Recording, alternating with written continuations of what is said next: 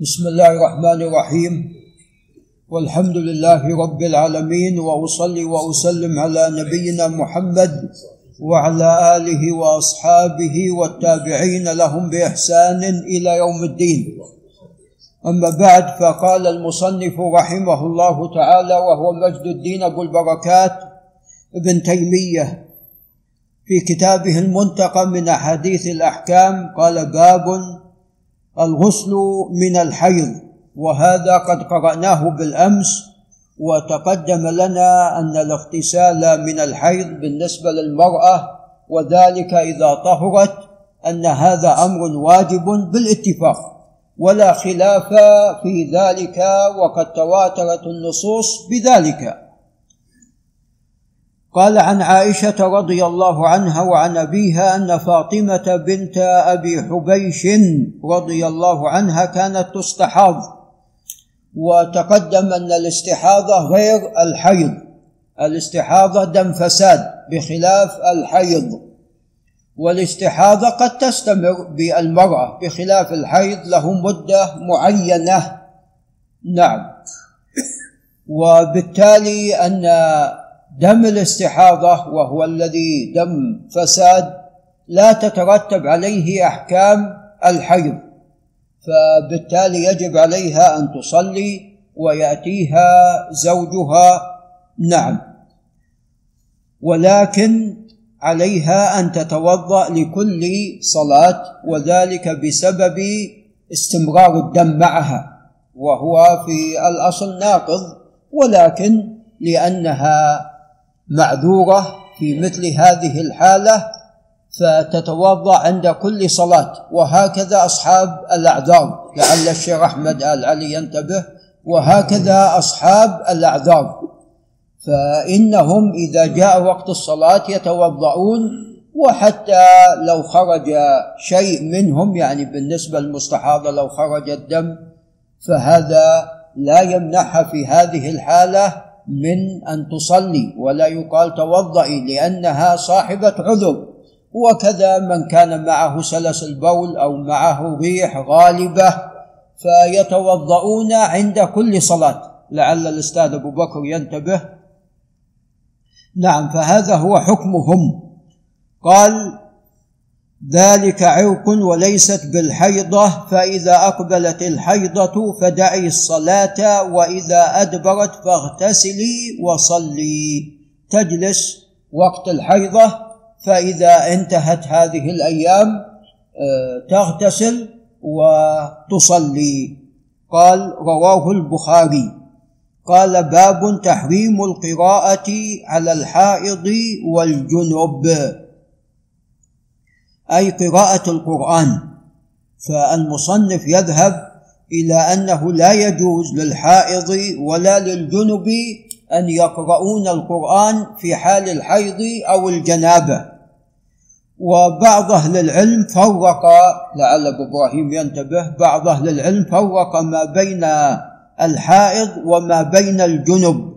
فقال الجنب لا يقرأ القرآن بخلاف الحائض لأن الحائض أمرها ليس بيدها بخلاف الجنب.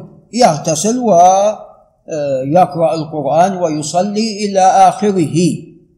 ويدل على ذلك غير ما سوف يأتينا بإذن الله أن الرسول صلى الله عليه وسلم قال لعائشة عندما حاضت قال افعلي ما يفعله الحاج. إلا الطواف بالبيت. ومما يفعله الحاج قراءة ماذا؟ قراءة القرآن. مما يفعله الحاج قراءة القرآن. نعم. والحيض يعني مدته قد تطول سبعة أيام وقد يكون أكثر فطول هذه الأيام لا تقرأ. نعم. فالأقرب والله أعلم أن الحائض تقرأ القرآن ولكن لا تمس المصحف وإنما تقرأ من حفظها أو كما قال بعض أهل العلم أنها تلبس قفاز مثلا حتى لا تلامس ولا تباشر المصحف بيدها لأن الله عز وجل قال لا يمسه إلا المطهرون. نعم. وأما من كان جنبا من رجل أو امرأة فإنهم لا يجوز لهم القراءة كما سوف يأتي. نعم. قال عن علي رضي الله عنه قال كان رسول الله صلى الله عليه وسلم يقضي حاجته ثم يخرج فيقرأ القرآن. يعني أنه عندما يقضي حاجة عليه الصلاة والسلام لا يتوضأ ومع ذلك يقرأ القرآن حفظا. قال ويأكل معنا اللحم. ولا يحجبه. وربما قال لا يحجزه من القرآن شيء ليس الجنابة. يعني يقول فقط الجنابة هي التي ماذا؟ هي التي تحجز عن قراءة القرآن. وهنا لم يذكر مسألة الحيض. وإن كان السياق هو فيما يتعلق بسيدنا رسول الله صلى الله عليه وسلم. قال لكن لفظ الترمذي مختصر. كان يقرئنا القرآن على كل حال ما لم يكن جنبا. وقال أبو عيسى الترمذي هذا حديث حسن صحيح. وأنا أذهب إلى قول أبي عيسى وأن هذا الحديث إسناده قوي فهو صالح للاحتجاج. قال وعن ابن عمر رضي الله عنهما عن النبي صلى الله عليه وسلم قال لا يقرأ الجنب ولا الحائض شيئا من القرآن رواه أبو داود والترمذي وابن ماجه. هذا الحديث لو صح لكان نصا في المسألة ولكنه لم يصح لأنه من رواية إسماعيل بن عياش عن موسى بن عقبة النافع عن ابن عمر وإسماعيل بن عياش في روايته عن الحجازيين ضعف.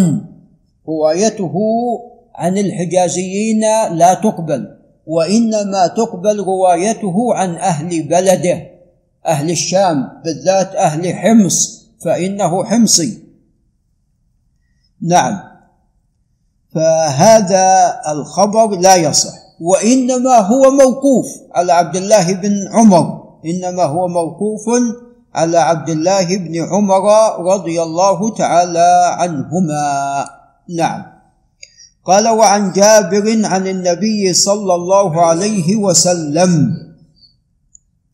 قال عن نعم قال لا يقرأ الحائض ولا النفساء. من القرآن شيئا. نعم. وهذا أيضا الخبر لا يصح بل هو خبر باطل. فيه محمد بن الفضل وهو ويحيى أيضا ابن أبي أنيسة وكلاهما متروك. كلاهما متروك. نعم. فهذا الخبر لا يصح. قال باب الرخصة في اجتياز الجنب في المسجد. ومنعه من اللبث فيه إلا أن يتوضأ. تضمنت لعل الأستاذ أبو حمزة ينتبه تضمنت هذه الترجمة أن من كان على جنابة لا يجوز له البقاء في المسجد. نعم. ولا جنبا إلا عابر سبيل. نعم. اللهم إلا إذا كان مرورا نعم. قال إلا أن يتوضأ في اجتياز الجنب في المسجد ومنعه من اللبث فيه إلا أن يتوضأ. إذا كان بيلبث فهنا يتوضأ. كما جاء عن الصحابة فيما رواه الدارمي. نعم. وأما من كان على جنابة ولم يتوضأ فلا يجوز له اللبث في المسجد إلا مرورا. قال عن عائشة رضي الله عنها قالت قال لي رسول الله صلى الله عليه وسلم ناوليني الخمرة من المسجد. والخمرة يعني هي قطعة من حصير كان يعني كانت تبسط ويسجد عليها. فكان الرسول عليه الصلاة والسلام إذا صلى بسطت له الخمرة فسجد عليها. فقال ناوليني الخمر من المسجد. فقلت إني حائض. فقال إن حيضتك ليست في يدك. هي بس بتاخذ الخمر من المسجد وجسدها أين خارج المسجد. وتعلمون الحجرة ملاصقة للمسجد. قال رواه الجماعة إلا البخاري. يعني أحمد ومسلم وأصحاب السنن. قال وعن ميمونة رضي الله عنها قالت كان رسول الله صلى الله عليه وسلم يدخل على إحدانا وهي حائض فيضع رأسه في حجرها فيقرأ القرآن وهي حائض ثم تقوم إحدانا بخمرته فتضعها في المسجد وهي حائض. قال رواه أحمد والنسائي. قال وعن جابر قال كان أحدنا يمر في المسجد جنبا مجتازا. هذا بس مجرد ماذا؟ اجتياز. نعم مجرد مرور. أما اللبس لا لا بد من وضوء. قال رواه سعيد في سننه وهو سعيد بن منصور وهو ثقة حافظ توفي سبع وعشرين ومائتين. قال وعن زيد بن أسلم وهو العدوي مولى آل عمر. قال كان أصحاب رسول الله صلى الله عليه وسلم يمشون في المسجد وهم جنب. قال رواه ابن المنذر. نعم هؤلاء بس مجرد مرور يمشون مرورا وليس لبثا قال وعن عائشة رضي الله عنها وعن أبيها قالت جاء رسول الله صلى الله عليه وسلم ووجوه بيوت أصحابه شارعة في المسجد. أبواب الصحابة واضعين لهم أبواب على المسجد. فقال وجهوا هذه البيوت عن المسجد أي الأبواب. ثم دخل رسول الله صلى الله عليه وسلم ولم يصنع القوم شيئا. يريدون رخصة رجاء أن ينزل فيهم رخصة. فخرج إليهم فقال وجهوا هذه البيوت أي الأبواب عن المسجد فإني لا أحل المسجد لحائض ولا جنب. نعم المسجد لا يجوز للحائض ولا لمن كان على جنابه أن يدخلوا فيه. نعم كما تقدم بالنسبة للجنب الا مرورا نعم. ولذا ثبت في الحديث الصحيح قال وليعتزل الحيض المصلى وليعتزل الحيض أمر بخروج الحيض في صلاة العيدين. قال وليعتزل الحيض المصلى. نعم. فيشهدن الخير ودعوة المسلمين ولكن لا يكن في المصلى وذلك من أجل حيضهن. نعم. ولكن يسمعن الخير ويسمعن دعوة المسلمين وهن خارج المصلى. طبعا حديث عائشة أني لا أحل المسجد لحائض ولا جنب هذا لا يصح. وذلك أن فيه جسرة بنت دجاجة وهذه اسم امرأة وقيل رجل. قال البخاري عندها عجائب. نعم. فالأقرب والله أعلم لا يحتج بها بالإضافة إلى غرابة إسنادها. بالإضافة عفوا إلى غرابة إسناد هذا الخبر وفيه من ليس بالمشهور. نعم فهذا الخبر لا يصح. قال وعن أم سلمة قالت دخل رسول الله صلى الله عليه وسلم سرحه هذا المسجد فنادى بأعلى صوته إن المسجد لا يحل لحائض ولا لجنب رواه ابن ماجه. وهو الحديث السابق. مره روي عن عائشة ومره روي عن أم سلمة. نعم.